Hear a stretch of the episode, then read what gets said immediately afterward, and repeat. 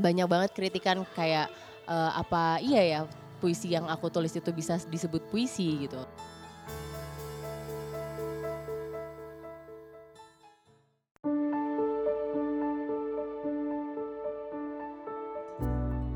Berpuisi baginya adalah sebuah lantunan ekspresi kebahagiaan. Kata demi kata dijalin hingga menjadi bait-bait pembawa pesan yang bernafaskan jiwa. Puisi adalah bagian besar dari diri Kansa. Namun, bagaimana apabila ada sesuatu yang menggoyahkannya hingga Kansa meragukan dirinya sendiri? Putri Kansa adalah seorang penyair perempuan yang sehari-harinya bekerja di perusahaan fintech. Suaranya dalam berpuisi banyak menyentuh orang. Tak jarang Kansa diundang untuk membacakan puisi-puisi karyanya secara langsung. Kansa juga memiliki pandangan yang kuat akan kesetaraan literasi. Saya Ayesa Avanti, dan inilah ruang cerita persembahan cerita perempuan ID.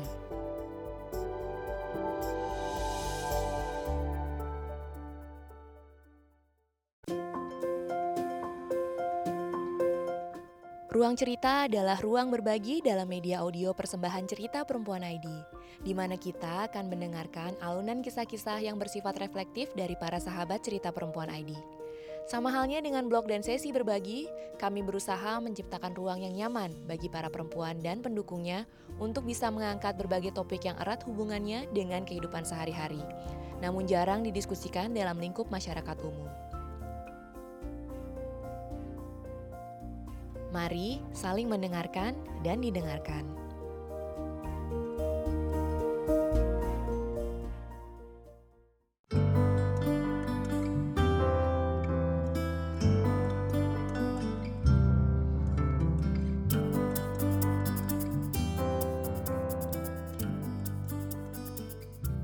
Halo sahabat cerita perempuan, kembali lagi di ruang cerita persembahan cerita perempuan ID. Di sini telah hadir bersama kita seorang penyair bernama Putri Kansa atau lebih dikenal di sosial media sebagai Yunoya Poetry. Halo Kansa. Halo.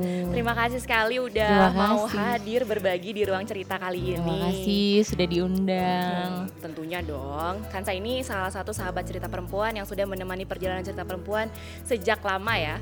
Nah teman-teman teman-teman sendiri pasti sudah mengenal karya-karya Kansa kalau mengikuti perjalanannya di sosial media. Nah, Kansa ini senang sekali menuliskan puisi yang sederhana yang menggambarkan keseharian atau perasaan-perasaan yang sebenarnya kita pernah rasakan ya, seperti cinta ataupun juga kesedihan. Nah, di salah satu puisi Kansa nih, Kansa pernah berkata bahwa puisi bagi Kansa adalah kebahagiaan yang membahasakan isi semesta juga menyampaikan segala sesuatu yang berjiwa. Nah, gimana nih sebenarnya Kansa perjalanan Kansa nih sampai akhirnya uh, mulai suka menulis dan kenapa sih Kansa tuh memilih media puisi nih untuk tulisannya? Mungkin bisa diceritain nih buat kita semua. Oke. Okay. Um, sebetulnya uh, mungkin kita bisa bilang katanya aku sempat baca nih di, uh, dari sebuah buku katanya manusia itu sudah menjadi makhluk bersastra sejak bayi. Sejak bayi. Iya melalui kidung yang disanandungkan oleh ibu gitu. Uh, terus uh, dari situ mungkin uh, apa ya dari kecil tuh aku nggak jauh gitu kak dari uh, apa ya puisi gitu. Hmm, udah diperkenalkan kecil, sejak kecil. Diperkenalkan dari kecil gitu. Uh, mungkin uh, ketertarikan aku dari waktu SD gitu. Malahan dulu itu sempat waktu kecil itu uh, aku mulainya dari puisi Sunda. Puisi Sunda. Puisi Sunda gitu. Terus aku baca puisi Sunda. Terus uh, waktu SD mulai udah mulai nulis-nulis juga gitu. Hmm, terus uh, sempat kayak ketika mau ikutan lomba itu kayak aku bacain dulu di depan ibuku gitu untuk kayak biar ibuku denger dulu. Terus kayak kita pelukan dan nangis berdua gitu. Se, se, se apa ya maksudnya se sedekat itu gitu. Kayak uh, mungkin dari situ aku uh, waktu itu sempat berhenti juga kak berhenti berhenti menulis, menulis dan aku mulai lagi di tahun 2000 sekitar 2012 itu uh, dan uh, udah mulai uh, aku mulai menulis dan memindahkannya ke apa namanya ke media digital gitu. Digital. Jadi itu sa saatnya 2000 berapa tadi 2012, 2012 itu kamu udah mulai buka akun sosial media dan mulai share tulisan-tulisan kamu ya. Hmm. Sebenarnya apa sih uh, awal yang menginspirasi kamu untuk akhirnya kamu tuh pengennya nulis gitu? Kenapa kenapa puisi gitu, Uh-uh. kenapa menulisnya lewat puisi Mana gitu dan ya. kenapa milihnya puisi kan gitu. eh apa ya mungkin eh, gini sih kalau misalnya aku sendiri eh, mungkin orang ada yang kayak oke dia eh, membahasakannya lewat tarian Hmm. lewat musik Iya. gitu Dan kenapa aku memilih puisi gitu karena eh, aku apa ya aku, ketika aku menulis aku merasakan aku memberikan sebuah ruang kosong Mm-mm. Di situ aku memberikan nyawa gitu kepada tulisanku gitu. Ketika itu dikasih ke pembaca, mereka bebas mau me, me- apa ya? Mereka bebas mau menggambarkannya seperti apa, mau merasakannya seperti apa gitu. Sama kayak tadi ketika eh, apa ya? Ketika seorang ibu bercerita sama anaknya Hmm, gitu. iya. Mereka kayak punya ruang eh, apa ya? Ruang imajinasi yang begitu luas gitu, yang nggak tercakrawalakan, nggak terwaktukan, nggak ada wak- nggak ada di sini, di sana atau kayak sesuatu yang absolut gitu. Mereka bebas mer- eh, apa ya? me- menggambarkannya mau seperti apa gitu. Jadi ketika aku apa ya? Aku rasa itu sih mungkin kayak bisa seluas itu gitu. Eh, mungkin eh, apa ya? Mereka bisa ketika aku menulis puisi sesuatu puisi yang sedih atau mungkin kayak suatu puisi yang eh, tentang cinta atau bahagia gitu. Mereka bebas mau merasakannya seperti apa gitu. Aku ngasih ruang untuk pembaca gitu. Kayak gitu. Bisa membuat mereka juga merasakan jadi mungkin kamu nulisnya awalnya eh, dengan apa ya? Eh, kesedihan gitu ya. Tapi mungkin yang membacanya malah jadi memberikan kebahagiaan, Iya. merasakan kebahagiaan. Jadi Iya. sebenarnya interpretasinya itu tergantung dari orang-orang itu sendiri. Kalau tadi kan Kansa sebenarnya diperkenalkan dengan puisi sudah dari kecil nih dan menulis juga udah cukup lama. Sebenarnya menulis itu buat kamu menulis puisi ya, itu mudah atau enggak sih? Atau kamu pernah nggak sih nemuin kayak kesulitan atau mandek gitu dalam dalam kamu menulis puisi apalagi sebenarnya cerita kamu sebenarnya kan dari keseharian ya. Eh, sebetulnya kalau misalnya mau dibilang eh, sulit ketika menulis ada ada masa sulitnya gitu. Mm, mm, mm. Jadi eh, aku pernah waktu itu menemukan eh, apa ya masa di mana eh, lingkunganku nggak mendukung gitu ketika eh, men- untuk aku menulis gitu. Eh, dari situ mulai mandek untuk nulis gitu kak bahkan kayak rasanya tuh nggak keluar aja gitu Jadi terus nggak punya dukungan di sekitar dukungan itu di ngaruh sekitar banget ya. tuh ha? ngaruh sih kak. Ngaruh banget. Jadi betul kalau misalnya energi yang ada di sekitar kita tuh itu yang kita serap gitu. Jadi waktu itu aku sempat kayak males unt- malah aku sempat males baca gitu. Karena kan mau nggak mau tetap harus baca dan untuk dapat eh, apa namanya referensi dan segala insight gitu.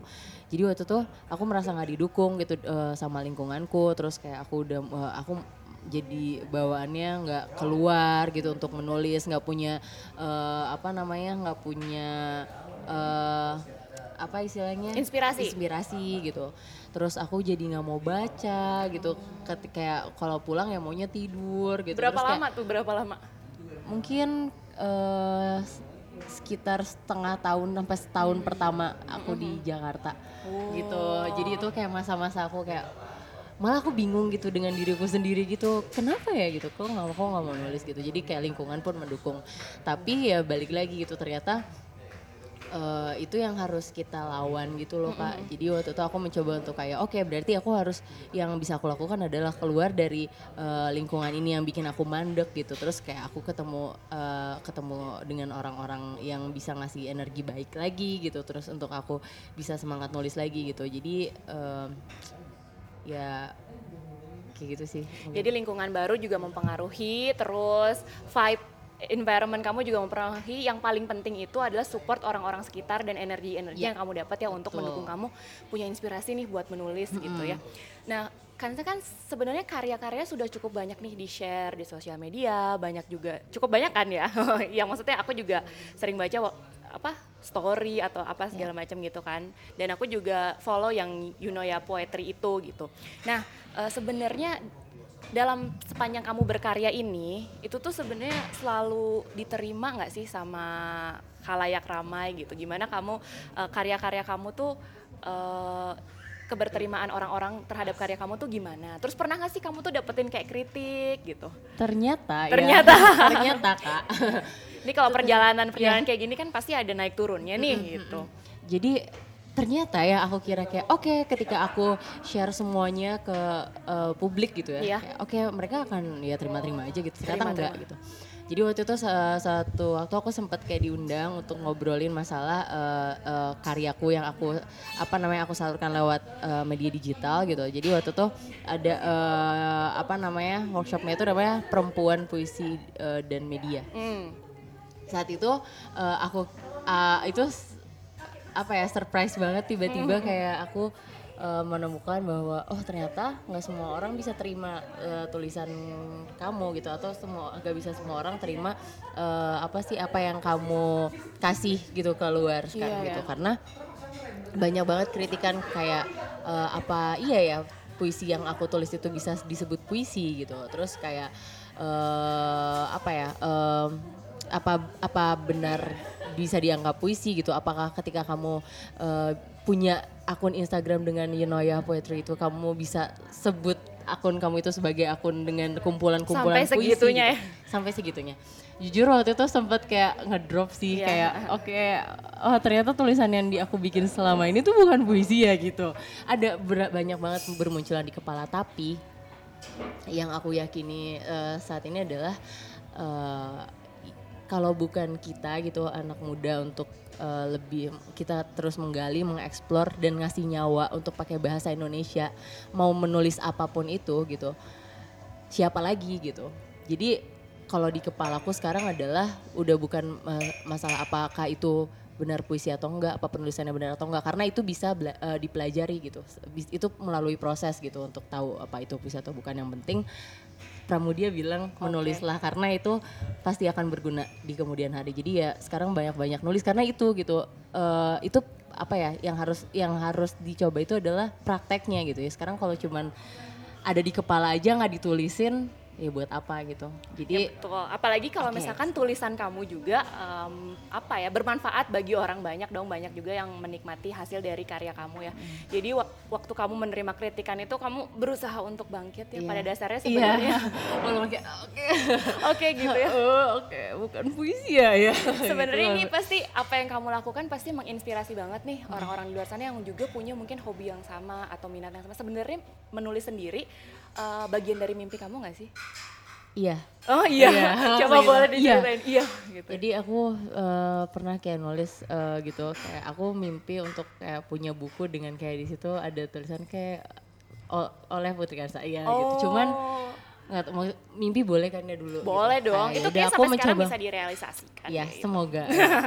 Eh, jadi ada eh, apa namanya? Aku eh, ini sih punya mimpi untuk kayak oke mungkin nanti bisa dibukukan atau Hmm. mungkin eh, lewat media apa pun itu gitu. Jadi eh, ya semoga deh mudah-mudahan itu bisa terwujud.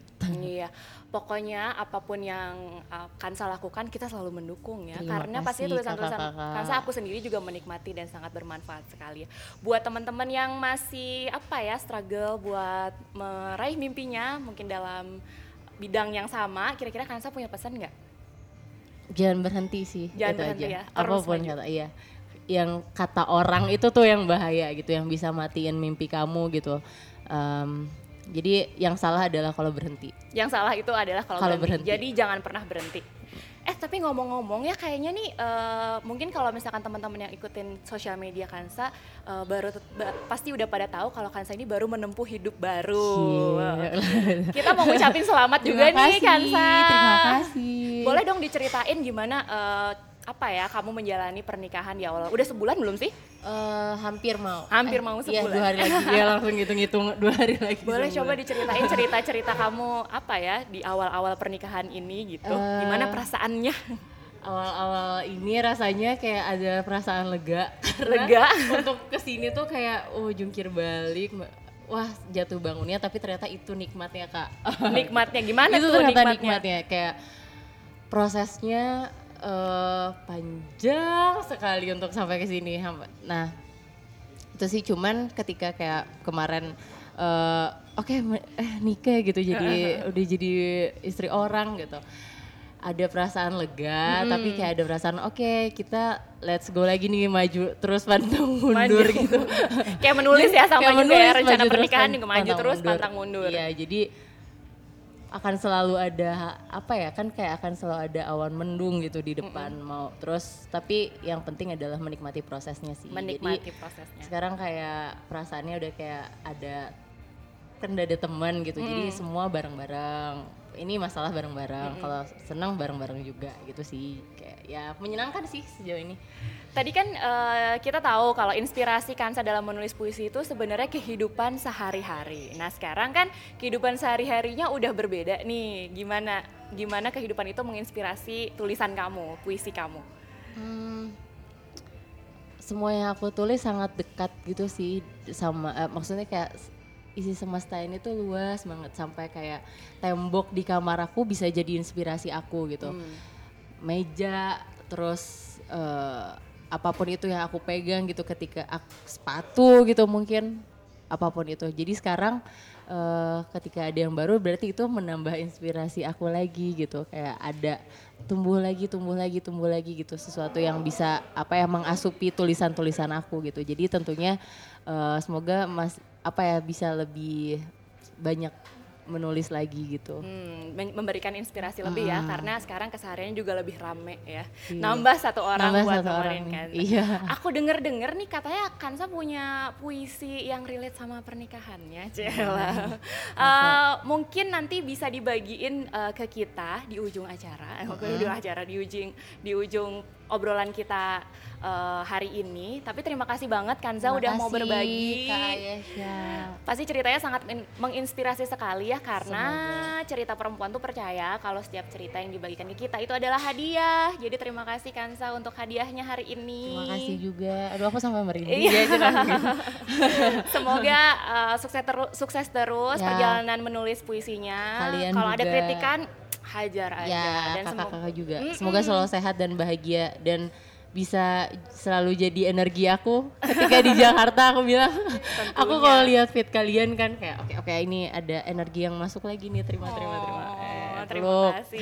Peluk. Iya, kita Peluk. emang anaknya Taci Philip, anaknya apa tukang pelukan ya.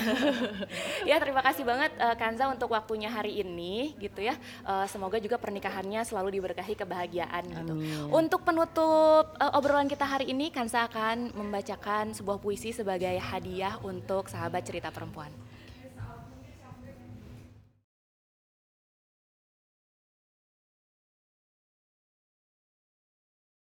Abimantrana Agustus 2017 September 2018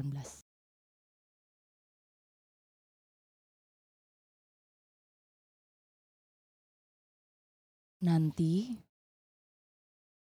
di setiap pagi matahari akan mencium kelopak mataku dan matamu yang bersentuhan. Nanti di setiap senja warna langit yang merona menyelami jiwaku dan jiwamu yang berpelukan. Nanti, di setiap malam, sinar bulan bergantungan di ujung rambutku dan rambutmu yang berpautan. Senja membawa cacala bahagia, jiwa telanjang menengadah pada buntala, cakrawala meniupkan doa-doa, gurat merah di langit senja adalah penanda hidup tumbuh dalam hidup. Pada candrama kita titip asa, pada baskara kita titip doa dan hendaknya tangan kita bergenggaman di sela-selanya ada doa.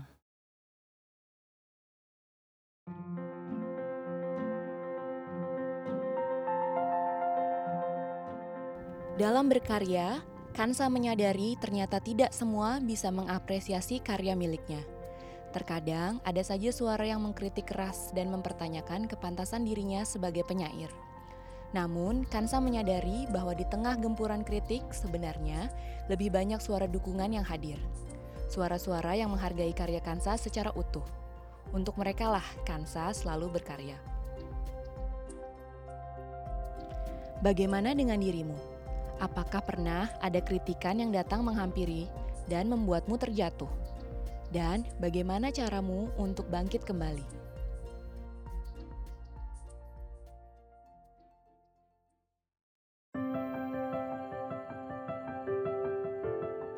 Terima kasih telah mendengarkan episode Ruang Cerita kali ini.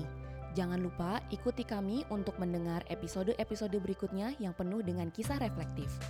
Ikuti juga tulisan di blog ceritaperempuan.id serta akun Instagram kami @ceritaperempuan.id untuk berbagai informasi terkini lainnya dari kami.